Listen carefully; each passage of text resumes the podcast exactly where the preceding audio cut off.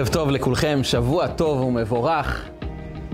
כל אדם שהגיע לעולם, יש בו המון כישרונות, המון יכולות, המון עוצמה פנימית. אין אדם שהגיע לעולם שאין לו בשורה ייחודית, טוב מיוחד, שהוא בא לתת לעולם.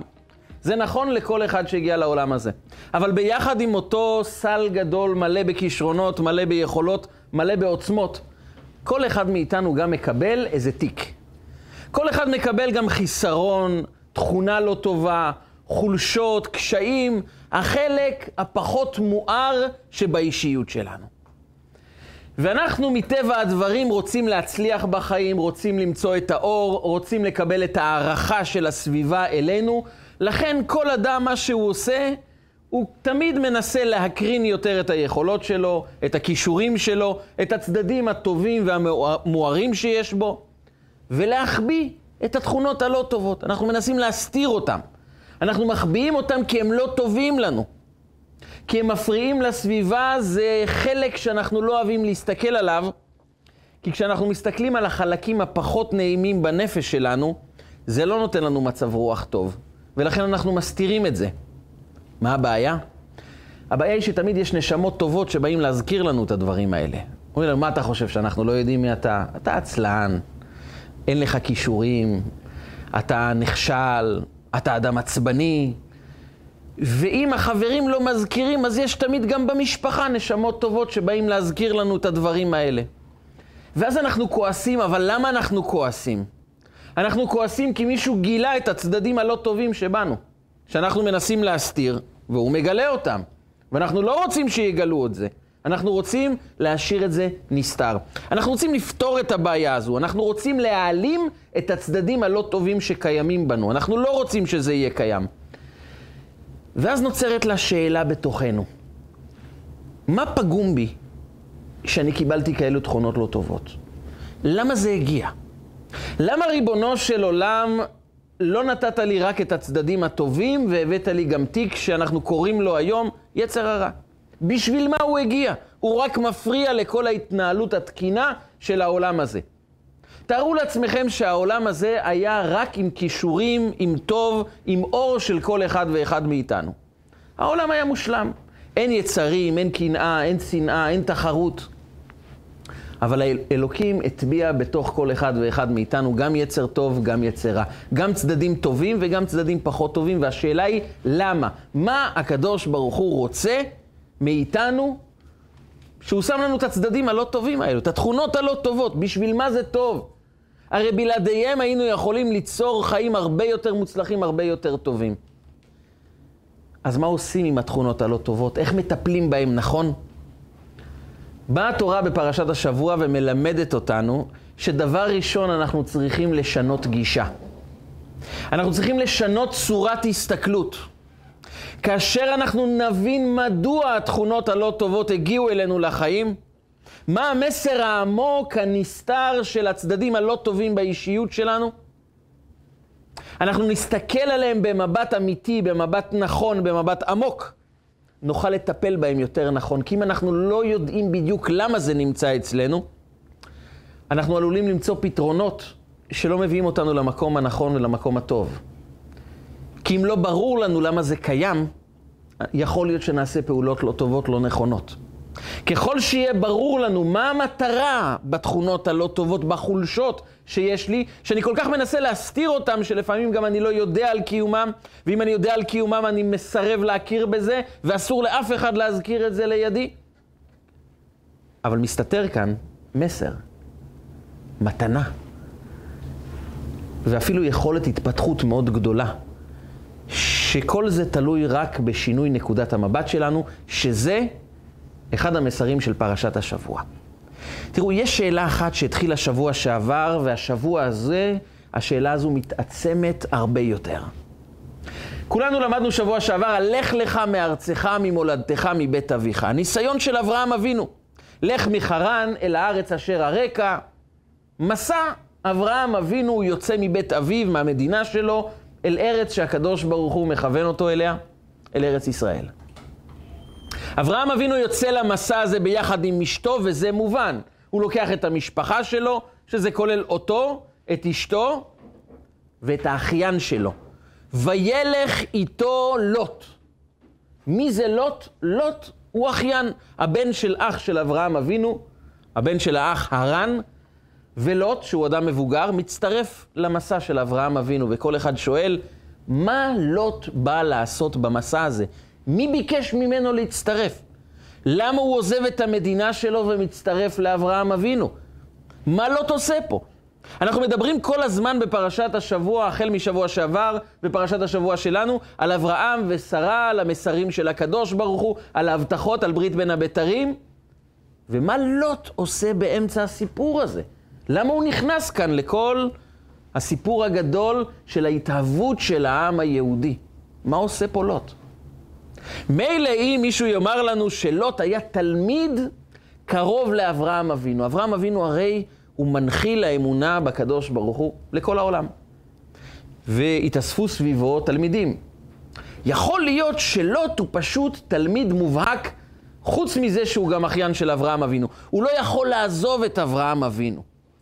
הוא כמו רות בשעתה שדבקה בנעמי ואמרה, באשר תלכי אלך, באשר תליני אלין, עמך עמי ואלוקייך אלוקיי. היא דבקה בנעמי.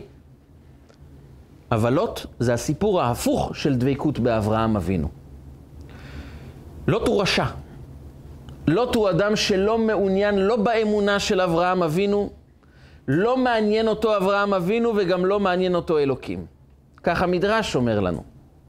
בשלב מסוים אברהם אבינו ולוט רבים, לא אחד עם השני, אלא הרועים, רועי הצאן של אברהם עם רועי הצאן של לוט. על מה הם רבים? לוט מודיע לכל רועי הצאן שלו, ששאלו אותו מאיפה נביא מזון לבהמות, יש לך מקנה רב, המון צאן, המון בקר, צריך לתת להם אוכל. הוא אומר, תסתכלו ימינה ושמאלה, כל מה שאתם רואים בארץ, שלכם, תאכלו. והם מביאים את הבהמות לראות בשדות של אנשים אחרים, ורועי הצאן של אברהם אבינו באים ואומרים להם, זה גזל, אתם גוזלים מאנשים. והם אומרים, לא תמר שאנחנו יכולים לאכול בכל מקום, ויש לו גם סיבה לכך. מה הסיבה? הסיבה היא כי הקדוש ברוך הוא הבטיח את ארץ ישראל לאברהם אבינו. ולאברהם אין ילדים. אז בעוד כמה שנים שהוא יעזוב את העולם, מי יורש את כל ההבטחות של אברהם אבינו? לוט אומר, אני. אז ארץ ישראל שלנו כבר. ואחרי המריבה הזו, הקדוש ברוך הוא אומר לאברהם, אברהם אבינו גם מבין, שהוא צריך להיפרד מלוט, הוא נפרד מלוט, הוא אומר לו, אל נא תהי מריבה ביני וביניך, כי אנשים אחים אנחנו. ואז הוא נפרד והולך לסדום, הוא בוחר ללכת לסדום, למה? סדום זה היה המקום שנאמר עליו, ואנשי סדום רעים וחטאים להשם. אומר המדרש, רעים וחטאים להשם, רעים בשפיכות דמים, בעבודה זרה וגילוי עריות. זה היה המקום המושחת ביותר עלי אדמות. וזה היה המקום גם העשיר ביותר, כי אנשים באו ליהנות מהחיים בצורה הכי נמוכה, הכי בהמית והכי אכזרית. הם לא הסכימו ששום עני יצטרף אליהם, הם באו רק ליהנות, לחטוא, וזה היה סדום ועמורה. ולוט? לוט ברגע שהוא נפרד מאברהם, הוא הולך לסדום ואומר את המשפט הבא. אי אפשי לו באברהם ואי אפשי באלוקיו. לא רוצה את אברהם אבינו, לא רוצה את אלוקיו, אני רוצה ליהנות, אני רוצה לחטוא, אני רוצה להיות חלק מתרבות סדום ועמורה.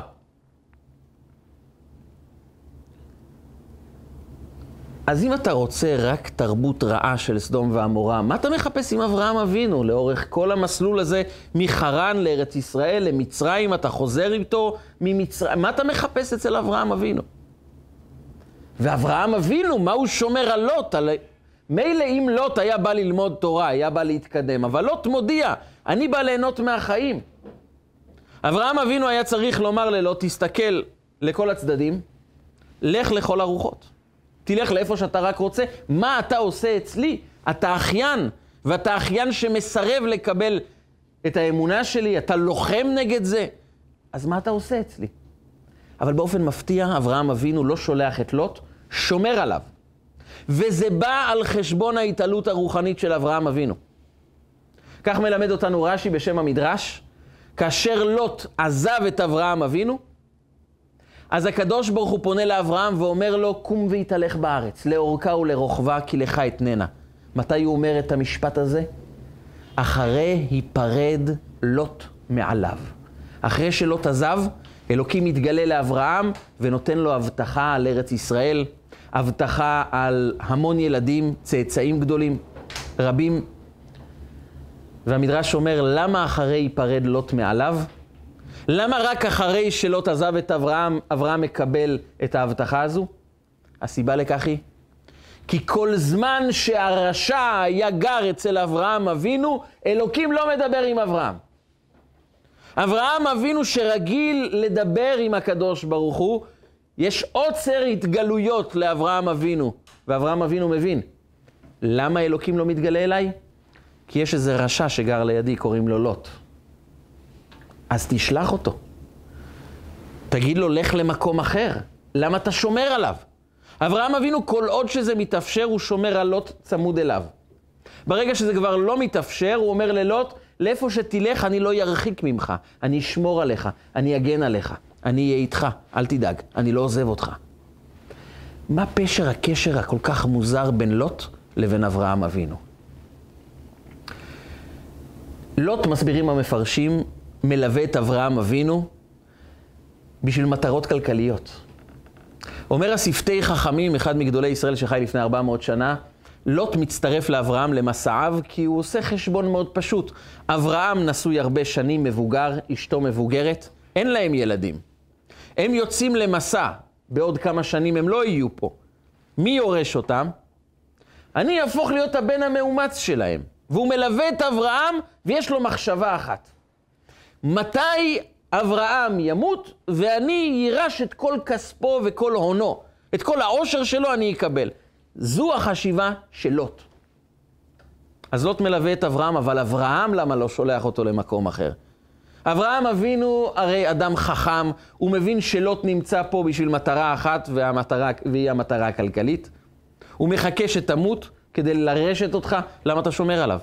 ואתה שומר עליו ואתה לא מקבל התגלות אלוקית, אז בשביל מה?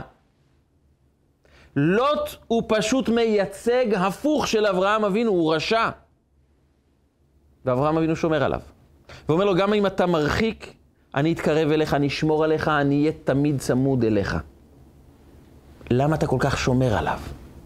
ועוד דבר מאוד מפתיע. כשאברהם אבינו אומר ללוט, אל נא תהי מריבה ביני וביניך, כי אנשים אחים אנחנו. הוא אומר, בוא לא נריב כי אנחנו אנשים אחים. זה לא רק אנחנו משפחה ולא מתאים, לא כדאי לריב. מביא לנו רש"י מדרש אגדה. אברהם אבינו אמר ללוט, בוא לא נריב, כי אנשים דומים בקלסתר פנים. לוט היה דומה שתי טיפות מים לאברהם אבינו. היו רואים את לוט, לא ידעו האם זה אברהם או האם זה לוט. הם היו דומים לגמרי. וזה לא פחות מטרגדיה. הפושע כל כך גדול לוט, הרמאי, האדם המושחת, אדם שבוחר לגור במקום של עבודה זרה, גילוי עריות ושפיכות דמים. האדם הזה דומה שתי טיפות לאברהם אבינו. כל העבירות שהוא עושה, אנשים אומרים, זה אברהם אבינו. ואברהם תמיד צריך לתרץ את עצמו, להצדיק את עצמו ולהסביר שזה לא היה הוא. המדרש מספר, מספר דבר מפתיע. נמרוד, שיש לו ויכוח פילוסופי ארוך שנים עם אברהם אבינו. אברהם אבינו הודיע שיש אלוקי השמיים, הקדוש ברוך הוא ברא את העולם, ונמרוד אומר לא, זה הפסל. ואברהם אבינו נזרק לכבשן האש, ויצא חי משם, וכולם ידעו שאלוקי אברהם הוא האלוקים האמיתי. ונמרוד לא סלח על הרגע הזה. ולכן במלחמה שקראנו עליה בפרשה הקודמת, מלחמת ארבעת המלכים את החמישה, אז אמרפל, שהוא בעצם נמרוד, חוטף את לוט, ומספר המדרש שהוא היה הולך איתו בשווקים ובכיכרות ואומר, הנה אברהם אבינו, אני ניצחתי אותו. האלוקים שלי חזק יותר מהאלוקים של אברהם אבינו. ואנשים לא ידעו שמדובר בלוט, כי לוט היה דומה שתי טיפות מים לאברהם אבינו. וזה אחד הסיבות למה אברהם אבינו יצא למלחמה. זו מלחמה רוחנית. אבל איך אלוקים עשה שפושע כל כך גדול דומה לצדיק כל כך גדול? זה הרי אדם מהעולם התחתון שדומה לאיזה צדיק מקובל, זה לא נראה הגיוני. הפוך, הרי הפנים מקרינות את נשמתו של האדם. איך לוט מקרין פנים שדומים לאברהם אבינו? כנראה שלוט מסתיר בתוכו משהו. ולא סתם לוט, זה גם בעברית אומר כיסוי, הסתרה. יש את טקס הסרת הלוט. לוט זה הסתרה. כי לוט דורש מאיתנו דבר אחד. בוא נסיר את ההסתרות ונגלה דברים חדשים. ואם נגלה דברים חדשים, אנחנו נוכל לגלות שלוט דומה לאברהם אבינו. כמה שזה נשמע מוזר, אבל אומר לו אברהם אבינו, כי אנשים אחים אנחנו, אומר המהר"ל מפראג, כאן מסתתר אחד מסתרי תורה, אחד מסודות התורה. לוט הפושע, לוט עובד העבודה זרה, לוט האדם שבוחר בחיי סדום על פני חיי קדושה, שהוא מייצג בדיוק את הצד ההפוך מאברהם אבינו, דומה לגמרי לאברהם אבינו. כי אנשים אחים אנחנו, ואברהם אבינו לא מוותר עליו. אבל מה זה הערפל הזה? מה זה ההסתר הזה שלוט מסתיר? שבגלל זה אברהם אבינו מסרב להתנתק מלוט. וכדי להבין את זה, כדאי להבין עוד סיפור אחד קטן ממהפכת סדום ועמורה. תראו, סדום ועמורה זה הפך להיות סמל לכל ההיסטוריה.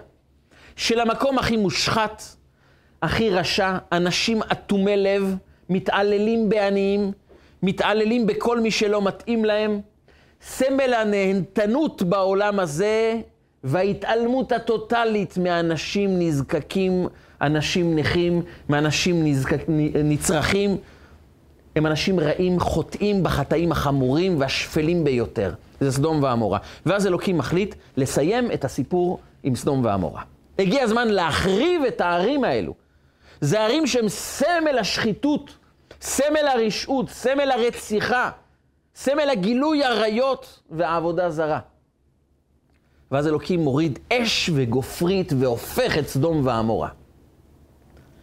ואז יש פסוק מאוד מוזר.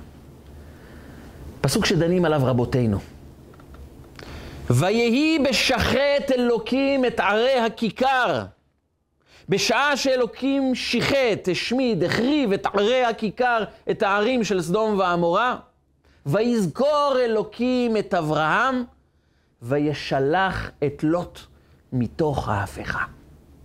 אלוקים באמצע החורבן זוכר את אברהם אבינו, ומציל את לוט, ומוציא אותו מתוך ההפכה. רגע, אז אתה זוכר את לוט או זוכר את אברהם? מה הקשר בין לזכור את אברהם לבין להציל את לוט? למה זה קשור? אז כל אחד יאמר, מה זאת אומרת מה זה קשור? זה האחיין שלו. ואלוקים אומר, אברהם צדיק גדול, אני לא הולך להרוג את האחיין שלו, אברהם אבינו הצטער. אז הוא נזכר באברהם ומציל את לוט כדי לא לצייר את הצדיק. ככה כל אחד מאיתנו היה אומר.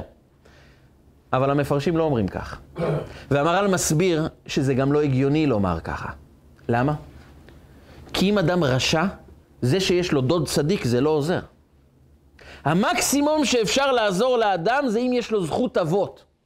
אם האבא היה צדיק, אז האבא שתל משהו פנימי בבן, שיכול לסייע לו לצאת ממקומות רעים, ולעזור לו לצאת למקומות טובים יותר. זכות אבות. אבל אם האדם רשע, ואין לו זכות אבות, מה יעזור שיש לו דוד צדיק? ברור שלא מצילים את לוט בגלל שאברהם צדיק. זה לא קשור, זה דוד, זה אחיין, אין שום קשר ביניהם. מצילים את לוט אם ללוט יש זכות. ומהי הזכות של לוט? וכאן רש"י, גדול פרשני המקרא, מטיל משהו שהוא לא פחות מפצצה. לא פחות מתמוה ומוזר, שבאמת אומר דרשני. ויזכור אלוקים את אברהם, וישלח את לוט מתוך ההפכה. מה הוא זכר שלוט עשה מעשה טוב? איזו זכות יש ללוט? ואז אלוקים נזכר. נזכר בסיפור לא רחוק, שאברהם אבינו יורד עם שרי אשתו למצרים. ואברהם אבינו יודע לאיפה הוא ירד. הוא ירד למקום שגם נקרא ערוות הארץ, גם מקום מושחת. והוא יודע שבמקום ההוא, אם ידעו ששרה, שרי כפי שהיא נקראה אז, ששרי היא אשתו של אברהם אבינו, והרגו אותי ואותך יחיו. יהרגו את אברהם אבינו ויקחו את שרי. הם לא לוקחים נשים נשואות, הם דואגים שהיא פשוט לא תהיה נשואה. אז הורגים את הבעל, ואז הם לא לקחו אישה נשואה. זה הפתרון הפשוט שלהם, כדי שלא יאמרו עליהם שהם לקחו אישה נשואה מבעלה. הם הורגים את הבעל. ואברהם אבינו אומר לאשתו, אמרי נא אחותי את למען יתבלי בעבורך. תגידי שאת אחותי, אני אגיד שאני אח שלך, ולא יהרגו אותי. ולוט שומע. ואומר הקדוש ברוך הוא, הוא לא הלך להלשין על אברהם אבינו, הוא לא הלך לומר למצרים, תקשיבו, הוא משקר לכם, באמת זה בעלה. וככה אברהם אבינו יכל להמשיך לחיות, ובזכות העובדה שלוט לא הלשין על אברהם, אלוקים אומר על הזכות העצומה הזו, שהוא לא הלך להלשין על אברהם אבינו, אני מציל אותו מתוך ההפכה. כל אחד קורא את הפירוש הזה ואומר, זו זכות שהוא לא הלך להלשין על הדוד שלו, שהוא לא הלך להסגיר לנאצים את הדוד שלו, זו זכות. זה הרי פעולה פשוטה של כל אדם, גם של שכן. אומרים המפרשים, גם אם אדם רב עם אברהם אבינו, לא היו אנשים כאלה, אבל גם אם היה אדם שרב עם אברהם אבינו, אף אחד לא בגלל מריבה עם שכן הולך להסגיר אותו לאנשים שירצחו אותו. לרצוח בן אדם? אז לוט האחיין לא שלח למוות את הדוד שלו, זו זכות? זה הרי תגובה טבעית שמתבקשת מכל בן אדם רגיל, בטח מהאחיין. ואלוקים אומר, לא, זו זכות שיש ללוט ולכן אני מציל אותו מתוך ההפכה. רבותיי, מסתתר כאן סוד גדול בתוך כל הסיפור של לוט. למה אברהם אבינו שומר על לוט צמוד? למה אלוקים אומר, אני מציל את לוט, בגלל שהוא לא הלשין על אברהם אבינו בזמן שזו פעולה פשוטה? זה אפילו לא פעולה, זה פשוט לא לעשות כלום, לשתוק, לא לומר שום דבר. זו הזכות הגדולה של לוט, שבשבילה הוא ניצול ממהפכת סדום ועמורה. יש כאן מסר מאוד מאוד עמוק להתנהלות שלנו בחיים. והמסר הזה בא דרך סיפור שחכמי החסידות מעריכים לספר אותו ולבאר אותו ולגלות עומק נפשי שקיים בכל אחד מאיתנו דרך הסיפור הזה. הסיפור הזה הוא סיפור שלטון רומי אחרי חורבן בית המקדש השני. הרומאים שלטו על ארץ ישראל, החריבו את בית המקדש, שרפו את היכל השם והודיעו, נגמר, נגמרה היהדות, נגמר לימוד תורה, חל איסור מוחלט על לימוד תורה. לסגור את הישיבות, לקפל ציוד, נסגר העם היהודי. עכשיו אתם כולכם הופכים להיות תחת השלטון הנאור והתרבותי של רומא. והיהודים, כמו יהודים בכל הדורות, שמעו והמשיכו בשלהם. אבל אם כולם המשיכו בשלהם ולמדו תורה במחתרת, רבי חנינא בן תרדיון לא התחשב בכלל במלכות רומי. הוא פתח את בית המדרש, פרסם הודעות שיש שיעורי תורה, ישב עם ספר תורה בחיקו, כאילו אין רומאים, כאילו נמצאים בבית המקדש בימים הטובים. ואז יום אחד אמרו לו שרבו, רבו של רבי חנינא בן תרדיון, רבי יוסי בן קיסמא, חולה. אז הוא הלך לקיים מצוות ביקור חולים. ואיך שהוא נכנס לבקר את רבו, אומר לו רבי יוסי בן קיסמא, מה שמעתי עליך שאתה מלמד תורה ברבים, אתה לא יודע שאנחנו חיים תחת שלטון רומאי? והשלטון הזה קיבל רשות לשרוף את בית המקדש, והוא יכול להרוג אותך, למה אתה מלמד תורה ברבים? אתה עושה מעשה לא הגיוני. אתה מאבד את עצמך לדעת. אתה פותח את בתי המדרש כאילו אין רומאים, הם יהרגו אותך. משיב לו רבי חנינא בן תרדיון את התשובה הבאה: מן השמיים ירחמו. שירחם השם. רבי יוסן בן קיסמא כועס. אומר לו, אני מדבר איתך דברים של טעם ואתה עונה לי מן השמיים ירחמו. אני מדבר איתך בהיגיון. הממשלה הזאת, הממשלה הרומאית, הורגת לומדי תורה. למה אתה פותח בתי מדרש מול הפנים שלהם? אתה שם להם אצבע בתוך העין, מה אתה מצפה שהם יעשו? תמהני אם לא ישרפו אותך עם ספר תורה. זה יהיה הסיום של החיים שלך, אם לא תשנה את ההתנהגות. ישרפו אותך עם ספר תורה. ורבי חנינא בן תרדיון יודע מזה, אבל הוא ממשיך בשלו. ויש לו רק שאלה אחת לסיום, לרבו רבי יוסי בן קיסמא. רבי, רק תגיד לי שאלה אחת. האם אני זכאי לחיי העולם הבא?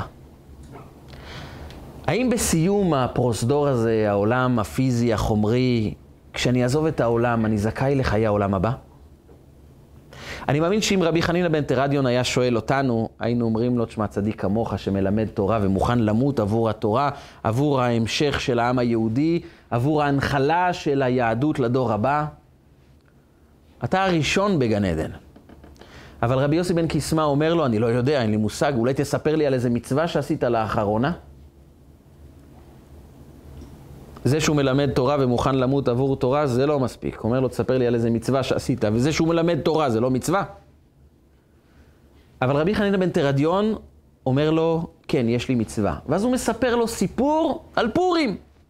הוא אומר לו, יש לי ארנק פרטי שלי לסעודת פורים, ויש לי את הארנק, את הקופסה של הכסף עבור העניים.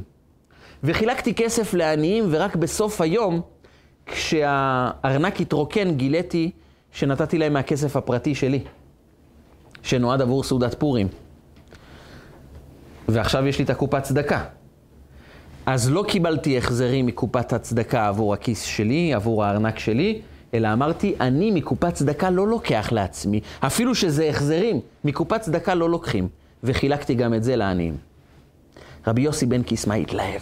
אמר לו, מחלקך יהיה חלקי, הלוואי ויהיה לי חלק בגן עדן כמוך.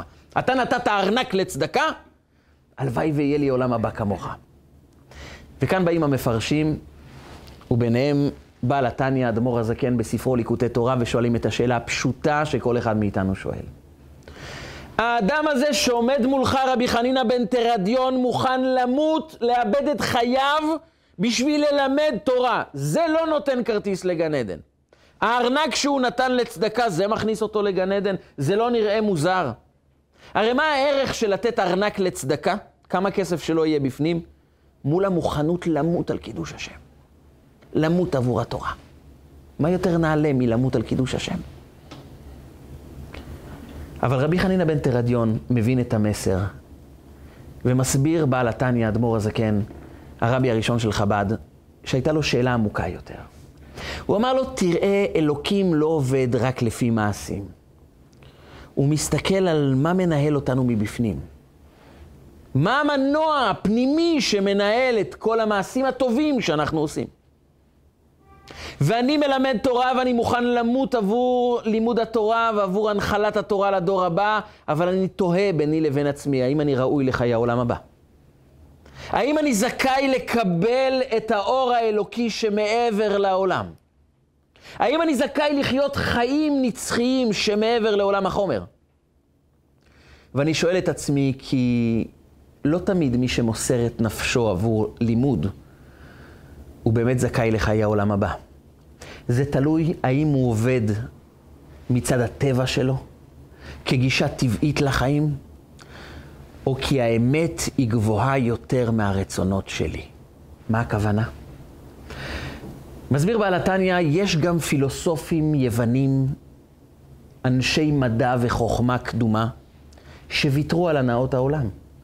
היו אנשים כאלה. היו אנשים שוויתרו על העושר הגדול שהיה להם, על הכבוד הגדול שהיה להם, והלכו ללמוד, ללמד. הם נדבקו במדע, בחוכמה, והיו מוכנים לוותר על הכל. זה הפך אותם לאלוקיים. הם עשו את זה כי תכונת הנפש שלהם הדביקה אותם ללימוד, והם ויתרו על חיי הנאות, על חיי העולם, כי זה לא עניין אותם. כי עניין אותם חוכמה, מדע, לימוד. כמו שאדם אחד אוהב לגלוש בים, והשני אוהב לאכול במסעדות, הם אהבו ללמוד, והם היו מוכנים למות עבור האמונות שלהם. סוקרטס ביוון היה מוכן למות, הוא עמד למשפט על כפירה באלים. וסוקרטס מה אמר? כל בן אדם שהיה אוהב את החיים היה אומר, תאמינו במה מה אתם אומרים, צודקים, מה אתם רוצים שאני אגיד? אני רוצה לחיות. אבל לא, הוא הלך עם האמת שלו, עם מה שהוא הבין, והיה מוכן למות. הוא יכל להינצל, לברוח, הוא לא ברח. הוא אומר, מתים על מה שמאמינים, ונגמר הסיפור. סוקרטס. אבל אומר רבי חנינא בן תרדיון, היהדות דורשת מאיתנו קומה נוספת. לבחון את עצמך אם אתה עושה את זה כי טבע נפשך מושך את זה. זה חלק מההתנהלות הטבעית, ויש בני אדם שבטבע מוותרים על החיים בשביל האמונות שלהם. זה הליך טבעי. לא שווה להם לחיות בעולם שהם צריכים לומר משהו הפוך מהאמת הפנימית שלהם. אבל זה עדיין טבעי. והמבחן מתבצע לא במקום של הטבע, אלא במקום שאתה יודע שמשהו אמיתי, אבל כעת זה מתנגש עם הטבע שלך. כעת זה נגד המשיכה הטבעית. כי כל עוד אדם מוכן גם למות עבור האמונות שלו, אבל זו נטייה טבעית. הוא לא נלחם נגד שום דבר. זה מושך אותו לשם. אז במקום הטבעי, האדם נשאר מוגבל. האדם נשאר טבעי ולא עבר אל העל-טבעי. ורבי חנינא בן תרדיון שואל את רבו, האם זה שאני מוכן למות על קידוש השם, זה חלק מהטבע שבי? או משהו אלוקי גבוה יותר ממני שאני מוכן לנפץ את גבולות הטבע שלי, לפרוץ את הטבע שבי וללכת למקום אמיתי יותר, כמה שזה קשה. אני נלחם נגד הטבע. ואז אני הופך להיות אלוקי, אז אני הופך להיות גבוה יותר. אז אני הופך להיות אדם שחי את העל-טבעי, אדם שראוי לחיי העולם הבא. ואומר לו רבי יוסי בן קיסמא, שאלה טובה. ספר לי בבקשה על מעשה טוב שעשית, אבל לא סתם מעשה טוב. מעשה טוב שהתנגש עם הטבע שלך. מעשה שדרש ממך לשבור את הגבולות של האישיות שלך. ורבי חנינא בן תרדיון אמר, יש מעשה כזה. זה המעשה של נתינת הצדקה. אני מאבחן בתוכי שיש בי משהו חשוך. אני אדם אוהב תורה, מלמד תורה, צדיק. אבל נבראתי עם טבע, כך אלוקים ברא אותי, עם טבע הקמצנות. האדם הקמצן לא משחרר פרוטה אם אין לזה צידוק מקסימלי. הוא לא מוותר על הממון שלו. והטבע שלי זה לא לוותר על הממון, לא לוותר על כסף. ואם אני בטעות הוצאתי מהכיס שלי בשביל צדקה, אני מקבל החזרים. לא חלילה לגנוב, זה אפילו לא עולה על דעתו. אבל כסף שהוצאתי מעצמי, אני מחזיר מקופת הצדקה. מה של הצדקה, צדקה, מה ששלי, שלי.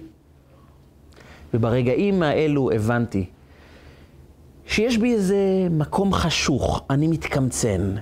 אני בודק כל פרוטה ולא משחרר עבור עניים. אין לי את התכונה הזו של להיות קצת יותר, קצת יותר לתת, קצת יותר להעניק, קצת יותר חסד. ואני שברתי את הגבול הזה בתוכי, וביקשתי לתת לעניים עוד יותר ממה שהייתי חייב.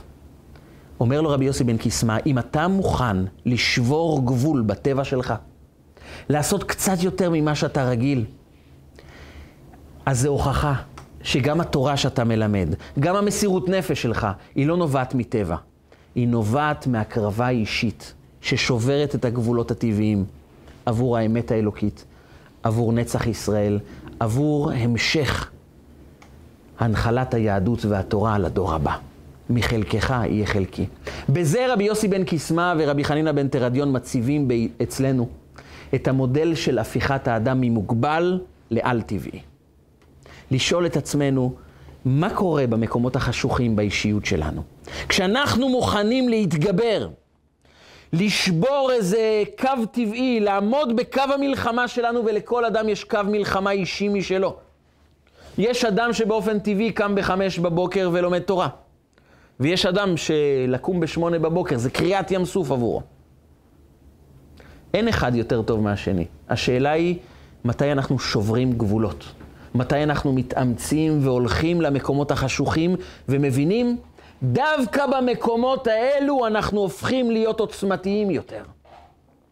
כי המקום הטבעי, כאשר יש לנו תכונות טובות טבעיות, אז המקום הזה משאיר אותנו במקום טוב, אבל מוגבל. כאשר אני עושה טוב מצד הטבע שבי, וזה לא דורש ממני מאמץ, זה לא דורש ממני מלחמה, זה לא דורש ממני השקעה, אז אני טוב, אבל טבעי. ויש גם המון בהמות ועופות שהם טובים. והם לא עבדו על זה. זה הגיע כתכונה טבעית. הנשר הוא רחמני, והוא רחמן לא כי הוא הגיע למסקנה כזו, לא כי הוא עבד על עצמו, כי הוא נברא כך. והטוב שקיבלנו בתולדה, טוב שקיבלנו כחלק מובנה מהאישיות שלנו, הוא טוב מוגבל, אבל אנחנו הגענו לעולם כדי ליצור טוב בלתי מוגבל. טוב שאנחנו עובדים עליו. טוב שאנחנו מוכנים לשבור את הגבולות האישיים שלנו כדי ליצוק תוכן ומשמעות אלוקית אמיתית בתוך החיים שלנו. האדם נמדד על הטוב שהוא הנחיל לעולם, שהוא יצר בעולם, שהוא נאבק עליו, שהוא נלחם עבורו. שאולי הוא היה צריך לטפס על ההר, הוא היה צריך לחרוש אדמה יבשה, אבל הוא הנחיל טוב בתוכו. זה הטוב האמיתי, שהופך אותנו לאנשים מעבר לגבולות. ומה קורה לאדם ששובר את הגבול בתוכו, שמוכן להתגבר ולעמוד ביעדים שהיו קשים עבורו, אבל הוא שבר את קו הגבול וניצח? מה קורה לאדם ששבר את השיא של עצמו? האדם הזה קודם כל מקבל עוצמה פנימית. הרי תראו, העולם שלנו מספק לנו הרבה הפתעות. אף אחד לא ציפה לבוא הקורונה. בשנייה אחת כל העולם השתבש. כל העולם נעצר, ועד עכשיו אנחנו חווים את האפקט הלא נעים הזה של וירוס הקורונה. ואדם אומר לעצמו, תראה, אני חי בעולם, שום דבר לא צפוי. אתם יודעים, מספרים על רבי יונתן אייבישיץ. אחד מגדולי ישראל, חי לפני 400 שנה. והוא היה חכם גדול, איש מדע, וחי בגרמניה, ומלך גרמניה מאוד מאוד אהב לשוחח איתו. הוא היה גאון בקנה מידה עולמי. ויום אחד המלך נמצא בכרכרה שלו במרכז העיר, ומזהה מרחוק את רבי יונתן אייבשיץ הולך. הוא הפנה את הכרכרה לכיוונו, ואמר לו, לאיפה אתה צריך? לאיפה אתה הולך? הוא הסתכל על המלך ואמר לו, אין לי מושג. המלך צחק, אמר, טוב, יש לך גם חוש הומור, אבל טוב, תגיד לי, אני רוצה להביא אותך, תגיד לי אולי לאיפה אתה הולך? תיסע בכרכרה המלכותית. הוא אומר לו, כבוד המלך, בכנות, אין לי מושג לאיפה אני הולך. המלך איבד את הסבלנות ואמר לו, תקשיב, אה, אין לי זמן למשחקים, אני שואל אותך לאיפה אתה הולך, תגיד לי לאיפה אתה הולך ואני לוקח אותך. הוא אומר, אבל בכנות, כבודו, כבוד המלך, לא יודע לאיפה אני הולך. אתה לא יודע לאיפה אתה הולך, אתה צוחק מהמלך, אתה לא מתבייש, מצאתי לך זמן לצחוק ממני. פקד על השרים שלו, על העבדים שלו, ושמו אותו בכלא. המלך התעצבן, מה היהודי הזה חושב לעצמו? צוחק עליי, מה זה, הוא לא יודע לאיפה הוא הולך? איזה בן אדם לא יודע לאיפה הוא הולך? המלך כעס כל היום, לעת ערב הוא קצת נרגע, ואמר, אני אלך לברר מה קורה איתו, הרי הוא אדם חכם, אדם משכיל, אני מאוד אוהב אותו גם. אני חייב לברר מה עבר לו בראש כשהוא אמר לי שהוא לא יודע לאיפה ללכת, לאיפה הוא הולך. הוא ירד אליו ואמר לו, תראה, אני רוצה לדעת באמת, מה פשר התשובה הזאת, אני לא יודע לאיפה אני הולך. אתה לא ידעת לאיפה אתה הולך? הוא אומר, תראה, כבוד המלך, אני באמת לא יודע לאיפה אני הולך. אני, את האמת, תכננתי ללכת לבית המדרש. לאיפה הגעתי בסוף? אתה רואה, הגעתי לכלא. אז מי יודע לאיפה הוא הולך בסופו של דבר? הוא ביקש לומר למלך, כשאתה שואל אותי לאיפה אני הולך, אנחנו באמת יודעים לאיפה אנחנו הולכים? האם יש אדם שיש לו ביטחון לאיפה הוא הולך בחיים? יש אדם שיכול לומר לעצמו, אני יודע איפה אני אהיה בעוד שנה, בעוד שנתיים, מה קורה איתנו? הרי שום דבר לא ברור בעולם הזה. ואני רוצה שתדע, המלך, כל מה שאנחנו מתכננים זה בערבון מוגבל. אדם לא יודע באמת להיכן הוא הולך. זה לא הייתה בדיחה. זה הניסיון לעורר אותך, המלך, לחשוב קצת יותר עמוק על החיים שלנו. אף אחד לא יודע לאיפה הוא הולך. והבשורה הזו לא נעימה כל כך, כי האדם זקוק לביטחון. אדם זקוק ליציבות בחיים. אדם זקוק לקרוא את העתיד עד כמה שזה אפשרי. השירות המטאורולוגי אומר לנו מה יהיה מזג האוויר בעוד שלושה ימים, אנחנו מוכרחים לדעת מה יהיה מזג האוויר. אנחנו רוצים לדעת מה יהיה, כי זה נותן לנו יציבות, זה נותן לנו אפשרות לתכנן את עצמנו ולדעת מה קורה איתנו. אבל העולם לא יציב לגמרי. אנחנו לא באמת יודעים מה קורה. ואז אדם אומר לעצמו, אז איך אני מוצא יציבות אם אני לא יודע מה יקרה בעולם שבו אני חי? והתשובה של התורה היא, אתה חייב למצוא יציבות פנימית. ואיך מוצאים יציבות פנימית? אתה חייב להיות יותר חזק מהעולם. אתה חייב להיות מעל העולם. ואיפה המקום שבו אנחנו מעל העולם, מעל הגבול, מעל הטבע? במקום שבו אנחנו מוכנים להתגבר על הצדדים החשוכים שבנו, הללות, על ההסתרה שיש בחיים שלנו. כשאדם לא נבהל מהכישלונות שלו, לא נבהל מהחסרונות שיש בו, לא נבהל ולא נעלב מזה שיש לו תכונות לא טובות, הוא מסתכל על התכונות הלא טובות, על הצדדים החשוכים באישיות שלו ואומר, זה הזדמנות חיי. כאן אני הופך להיות מעל העולם. כי שם אני אצור טוב אמיתי שאני עבדתי עליו, ששברתי גבולות עבור הטוב הזה. והוא לוקח את מידת העצלות, או את מידת הכעס, או את הקנאה שיש בו, את החוסר פרגון, ומתחיל לעבוד על התכונות האלו מתוך ידיעה, זה הגיע לכאן. כי הטוב שקיבלתי מאלוקים זו מתנה שמשאירה אותי טוב מוגבל. הרע שקיבלתי, זה יהפוך אותי לטוב מעל הגבול, בלתי מוגבל. זה יהפוך אותי לאדם שיש בו עוצמה פנימית שאומרת, אתה יותר חזק מהמציאות. המציאות לא מכתיבה לך מה להיות ואיך להתנהג. המציאות מנוהלת על ידך, אתה מנהל את המציאות. כשאדם מתגבר על טבע לא טוב, כשהוא מוכן לעמוד בערך שהוא הציב לעצמו עוד מעבר לטבע האישי שאומר לו, לא, תישאר במקום, אל תעשה שום דבר. והוא מתגבר על הטבע הזה, הוא מוכן להילחם עבור האמת, עבור מה שטוב. אז הוא מוכיח לעצמו, אני יותר חזק מהמציאות, וזה בונה בתוכו חוסן ויציבות. עמוד שדרה שאומר לעצמו ובונה בתוכנו את התודעה הפנימית החשובה ביותר בחיים. מה שלא יהיה, אני אצליח לעמוד באתגרים. כי מי שעומד באתגרים הקטנים של החיים, נוצר, נוצרת בתוכו עוצמה פנימית, יציבות פנימית, שמנחילה לו את התודעה. מה שלא יהיה, בסייעתא דשמיא, אני אעמוד בכל המהפכות של החיים. היה סופר אמריקאי מאוד מפורסם, קראו לו הרמן ווק. הרמן ווק היה סופר מאוד מפורסם בארצות הברית, ידיד אישי של נשיאי ארצות הברית, וגם ידיד אישי של הרבי מלובביץ'. הוא היה באופן קבוע מביא את המכתבים לכבוד היום הולדת של הרבי מלובביץ' מנשיא ארצות הברית. הוא היה מגיע להתוועדות שהחסידים היו עושים לכבודו של הרבי, הרבי היה מדבר דברי תורה, ואז הוא היה מגיע להתוועדות, ובשעת הניגונים היה מביא מכתב מנשיא ארצות הברית, שמאחל מזל טוב, וגם קובע את יום הולדתו של הרבי מלובביץ' באופן מפתיע, נקבע על ידי נשיא ארצות הברית ונשיאי ארצות הברית לדורותיהם עד היום הזה. יום הולדתו של הרבי מלובביץ' מוכרז כיום חינוך לאומי בארצות הברית. הוא היה מביא את המכתבים. ופעם שאלו אותו, הרמן, תגיד, מה מצאת ברבי מלובביץ'? אתה סופר ידוע, אתה קרוב לנשיא ארצות הברית, מה הלכת לחפש אצל איזה רבי יהודי? הוא אומר, אני אגיד לכם. יש בו תכונה מיוחדת שאני מאוד מאוד מאוד מעריץ. אני אתן לכם דוגמה. אתם יודעים, אומרים שיש התחממות גלובלית והקרחונים נמסים.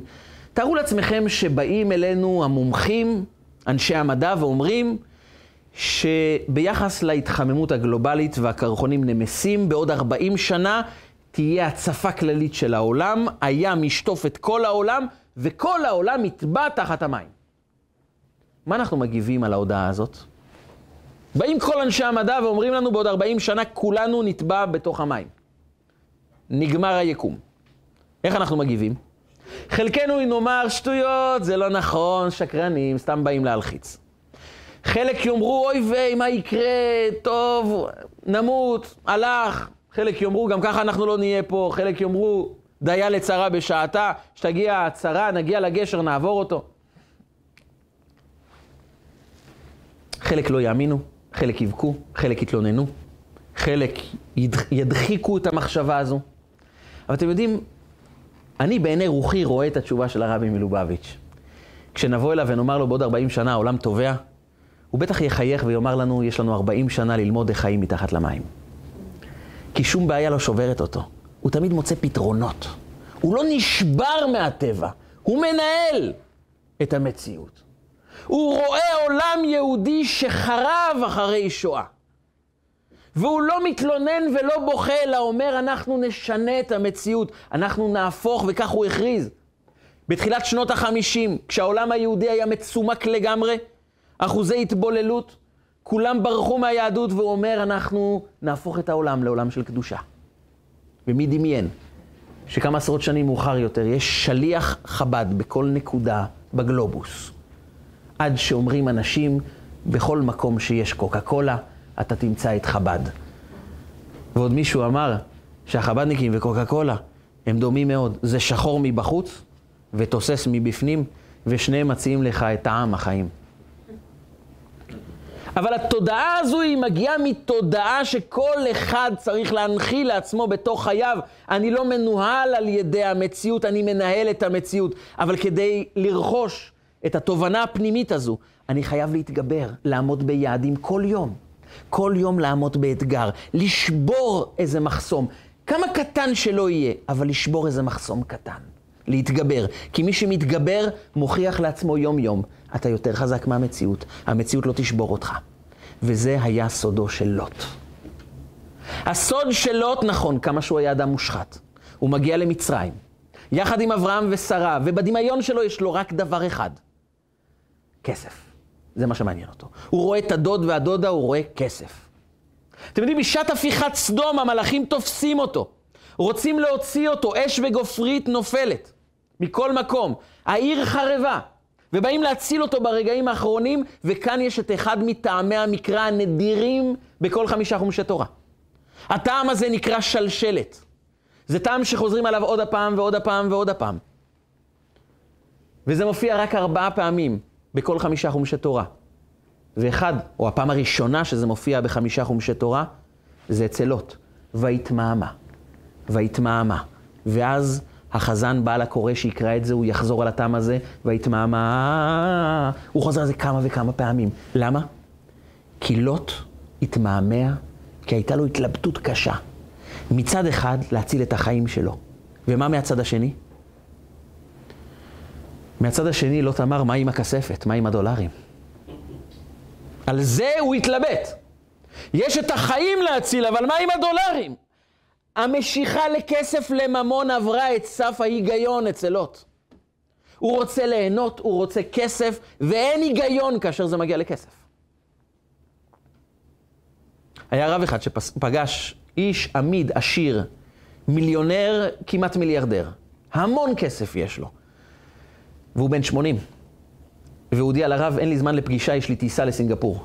אומר לו, לאיפה אתה טס בגיל 80 לסינגפור? מה יש לך לעשות שם? הוא אומר, עסקים. אני לא מבין אותך. יש לך כסף, שלא רק אתה תחיה עד 120, אתה, הבנים, הנכדים והנינים שלך יחיו עם הכסף. לאיפה אתה רץ לסינגפור בגיל 80? הוא אומר לו, תקשיב ידידי, אני חולה כסף. חולה. הרב היה עם חוש הומור, אמר לו, אתה יודע, כתוב אצלנו במקורות, שמי שמבקר את החולה לוקח אחד משישים מהמחלה. אולי אם אני מבקר אותך, אני אקבל אחד משישים מהמחלה הזאת. אוהב כסף לא יסבע כסף, ולוט, כשזה מגיע לכסף, על החיים שלו הוא לא חושב. ויזכור אלוקים את אברהם, וישלח את לוט מתוך ההפכה. לוט הזה, שלא אכפת לו מהחיים שלו כשזה מגיע לכסף. כשהוא נמצא במצרים, ואברהם אבינו אומר למצרים, זאת אחותי, והיא אומרת, הוא אחי. ולוט נמצא בהזדמנות חייו.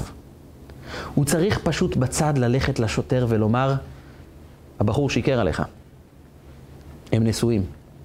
תהרגו אותו. הוא שיקר. ואז היו הורגים את אברהם, לוקחים את שרה, ומה עם כל הרכוש של אברהם אבינו? עובר לילות. הנה, הזדמנות חייך. ולילות גם לא אכפת מהחיים שלו, אכפת מהחיים של אברהם אבינו. לוט יכול לקבל זכייה בלוטו לקבל את תכלית חייו, ממון, כסף, וברגע הזה הוא מוותר. הוא עומד בניסיון. זה ניסיון שלאנשים פשוטים ככל שיהיו. הם אפילו לא מבינים. זה הרי לא ניסיון בכלל. להסגיר בן אדם לרצח? אבל בשבילות זה ניסיון. קו המלחמה שלו נמצא שם. הוא יכול לשלוח בן אדם למוות ולקבל כסף, ומבחינתו כסף זה יותר חשוב מכל דבר אחר. ולא תתגבר. ומה קורה לאדם שמתגבר? הוא בנה בתוכו משהו על-טבעי. ויהי בשחט אלוקים את ערי הכיכר, ויזכור אלוקים את אברהם, וישלח את לוט מתוך ההפכה. כי כשאתה מתגבר על הטבע שלך, אתה מצליח להימלט מהמהפכות של החיים. כשנחרבים דברים סביבך, אתה נשאר יציב, אתה נמלט מהמהפכה, אתה חי, כי מי שיתגבר על הטבע שלו, הוא יותר חזק מהמהפכות. ולכן לוט ניצל. לוט ברמה נמוכה, אבל בקו המלחמה שלו הוא ניצח. ולכן כל אחד מאיתנו מקבל לוט. אברהם אבינו לא משלח את לוט, כי הוא יודע, לוט זה לא צרה. לוט זה לא קושי, לוט זה הזדמנויות. לוט כשמו כן הוא, הוא מסתיר את ההזדמנויות הגדולות של החיים. אברהם אבינו אומר, אני עובד את השם, אוהב לעזור, איש צדיק. לוט, איש רשע, שמסתיר בתוכו את ההזדמנות להפוך רע לטוב. את ההזדמנות להיאבק ברע שיש בנו ולהתגבר עליו ולהיות טובים יותר. אם אדם נגוע במידת הכעס, או מידת הקנאה, או מידה של שנאה, זה ההזדמנות של החיים שלך. שם אתה תהפוך לגדול. שם אתה תקבל את העוצמה הפנימית שלך. שם אתה תוכל להיות יותר חזק מהחיים, את העוצמה שתקבל כשתתגבר על הרע, על הצדדים הלא טובים באישיות. זה טוב, זו יציבות, זה עמוד שדרה, זה עוצמה על-טבעית, שעליה רבי חנינא בן תרדיון שאל, האם אני זכאי לחיי העולם הבא? האם יש בי משהו על-טבעי? ואת זה אתה מקבל כשאתה מתגבר על הצדדים החשוכים, כל אחד בקו המלחמה שלו. אלוקים הציל את לוט, כי לוט בקו המלחמה שלו התגבר וניצח ויצא מההפכה. כי כשאתה מתגבר על הצדדים הלא טובים, אתה יותר חזק מהמהפכות. ויש כאן צד אחד נוסף. כשאדם מתגבר על טבע, הוא נוכח כאן ועכשיו. אדם כדי להתגבר על מידה לא טובה שיש בו, הוא חייב להילחם. וכשאדם נלחם, הוא מגייס את כוחות הטבע כאן ועכשיו להתמודד מול הקושי. כי מתי אנחנו מרחפים? כאשר אנחנו לא עושים שום דבר. כמה פעמים לפעמים מחשבות נכנסות לנו לראש ותופסות אותנו ומנהלות אותנו.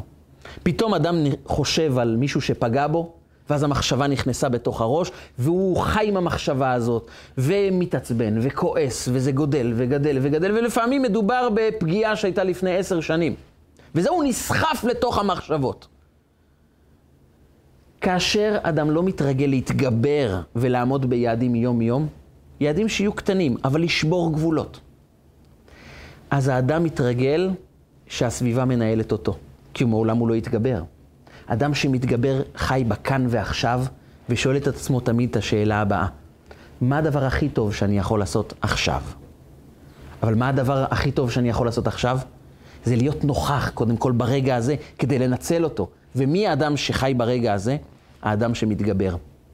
ההתגברות מכריחה אותנו להיצמד לעכשיו. מה עכשיו אני יכול לעשות הכי טוב? האדם שדואג לפנק את עצמו ולרפד את עצמו בחיים נוחים, חי בנינוחות ולעולם לא תופס את עצמו ונאבק וחי עכשיו, מה אני עכשיו יכול לעשות הכי טוב? ההתגברות, העמידה ביעדים, כאשר אני יודע בדיוק מהם הצדדים שאותם אני צריך לשנות בחיים, ואני נאבק על זה, אני נלחם על זה. אז אני הופך להיות אדם נוכח, אדם חי, אדם שמשנה את הכאן ועכשיו. אני מקבל עוצמה פנימית, ובעיקר יודע להחליט את ההחלטות הנכונות כאן ועכשיו. וזו הסיבה שלוט מצטרף לאברהם אבינו. זו מתנה. לוט זה הצדדים המוסתרים של החיים שלנו, הצדדים הלא נעימים, הלא טובים. אבל הם תמיד איתנו, ואברהם אבינו לא מתעלם מהם. אברהם אבינו אומר, הם כאן כדי שנהפוך את זה לטובה. כי לוט תמיד מסתיר את ההזדמנויות הגדולות ביותר בחיים. ומה ההזדמנות הענקית שלוט מסתיר בתוכו? אומר המהר"ל מפראג, דע לך, זה שאברהם ולוט דומים, זה אחד מסתרי תורה. והוא נותן רמז קטן. לוט יוליד את מואב. מואב יביא את בלק, מבלק תצא רות המואבייה, שממנה יצא דוד המלך, שממנו יצא מלך המשיח. סופו של לוט זה ההתגלות האלוקית של הגאולה של משיח. לוט הוא הסתרה, כי לוט אומר, במקומות הכי גרועים, בצדדים האפלים של החיים שלנו, מסתתר משיח, מסתתרת גאולה, מסתתר הרגעים, מסתתרים הרגעים העמוקים, הנשגבים, העל-טבעיים של החיים שלנו, כי לוט זו הזדמנות. אומר אברהם אבינו, אני התחלת האמונה. אבל סוף כל התהליך זה להגיע לרגע של התגלות אלוקית. וראו כל בשר יחדיו כי פי השם דיבר. וההתגלות הזאת תבוא על ידי מי? על ידי משיח, שהוא יצא מלוט, כן, מאותו רשע.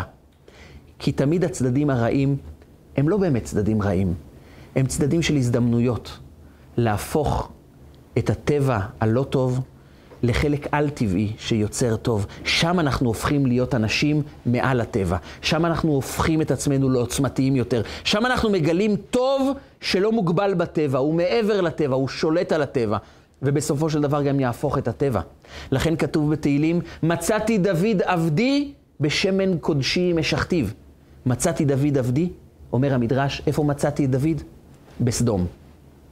אבל דוד אף פעם לא היה בסדום. אבל את דוד המלך מצאנו כבר בסדום אצל לוט. הוא ירד למקומות הנמוכים ביותר. אבל אם מטפלים נכון במקומות הנמוכים ביותר, ומסתכלים עליהם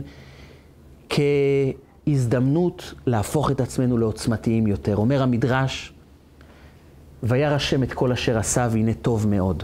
טוב זה יצר טוב, מאוד זה יצר הרע. כי בעומק יצר הרע ויצר טוב הם לא נאבקים, הם דומים. בעומק אברהם אבינו ולוט הם לא נלחמים, כי אנשים אחים אנחנו, דומים בקלסתר פנים. כי היעד העמוק של שתינו הוא אותו יעד. אברהם אבינו מביא טוב לעולם, ולוט מביא טוב, שדורש השקעה, שדורש מלחמה. אבל אז הטוב הוא על-טבעי, הוא נצחי, הוא לא מוגבל. כי טוב מוגבל נעלם בסופו של דבר, עוצר בשלב מסוים. אבל טוב בלתי מוגבל הוא לנצח. ולכן דווקא מלוט מגיע משיח צדקנו. כי לוט הוא הסתרה, הוא החושך שמאפשר לנו ליצור אור בלתי מוגבל. וזה כל תפקידנו, להסיר את הלוט. לגלות שבעומק כל הצרות, בעומק כל הקשיים, בעומק של הצדדים החשוכים, מסתתרים, מסתתרות הזדמנויות. וההזדמנות, זה מה שאנחנו צריכים לחשוב כאשר אנחנו רואים את הצדדים הלא טובים שבנו. החלקים הלא טובים זה ההזדמנויות להפוך להיות עוצמתיים גדולים יותר. לרבי מלובביץ' נכנס אדם ושאל אותו, אני רואה שקים של מכתבים מכל העולם. אני מבין שאנשים כותבים אליך לא כשהם זכו בלוטו, או כשהם קיבלו קידום בעבודה, הם כותבים אליך כאשר יש להם צרות. איך אתה מצליח לקרוא כל כך הרבה צרות בחדר הזה? אני רק קורא בעיתון על אנשים שנפצעו, שנהרגו, והיום שלי נחרב מהבשורות הלא טובות. איך אתה קורא כל יום שקים של מכתבים עם כל הצרות של כל היהודים בכל העולם, איך אתה שורד? ואז הרבי אמר לו משפט, אין באמת באמת קשיים, יש אתגרים, והעומק של כל אתגר הוא הזדמנות. וכשאתה מסתכל על הצרות כאתגרים שמעניקים לך הזדמנויות חדשות בחיים, אז אתה עסוק בהזדמנות ולא בתלונות. התלונות באות כאשר אדם מרגיש לא יציב, נשלט, העולם יותר חזק ממנו. אבל כשכל קושי, אתה מסתכל בו על הזדמנות נוספת, לזנק גבוה יותר, להיות חזק יותר מהחיים, אתה מוצא הזדמנויות ולא קשיים. וכשאתה מוצא הזדמנויות, כל רע הופך לטוב, כל קושי הופך להזדמנות, וכל חושך, כל לוט, כל הסתרה, אני דואג פשוט להסיר את ההסתרה ולגלות את ההזדמנות שתהפוך אותי לטוב על-טבעי. ואם כולנו נהיה אנשים עם טוב שאנחנו מתגברים כל יום כדי ליצור אותו מתוך ההפכה, מתוך החושך, אנחנו הופכים להיות אנשים קצת יותר טובים, שוברים גבול קטן ויוצרים נקודות קטנות של טוב על-טבעי. הנקודות העל-טבעיות האלו יתאחדו יחד, ואז הקדוש ברוך הוא גם יהפוך את הגבול הלא טוב שיש בעולם לטוב בלתי מוגבל, טוב נצחי. זה יהיה רגע הגאולה שתבוא אלינו עם משיח צדקנו במהרה בימינו, אמן ואמן. רגע של חוכמה, רגעים קצרים ומשנה חיים. הצטרפו אלינו, הרשמו לערוצי רגע של חוכמה ביוטיוב, בפייסבוק, באינסטגרם ובוואטסאפ.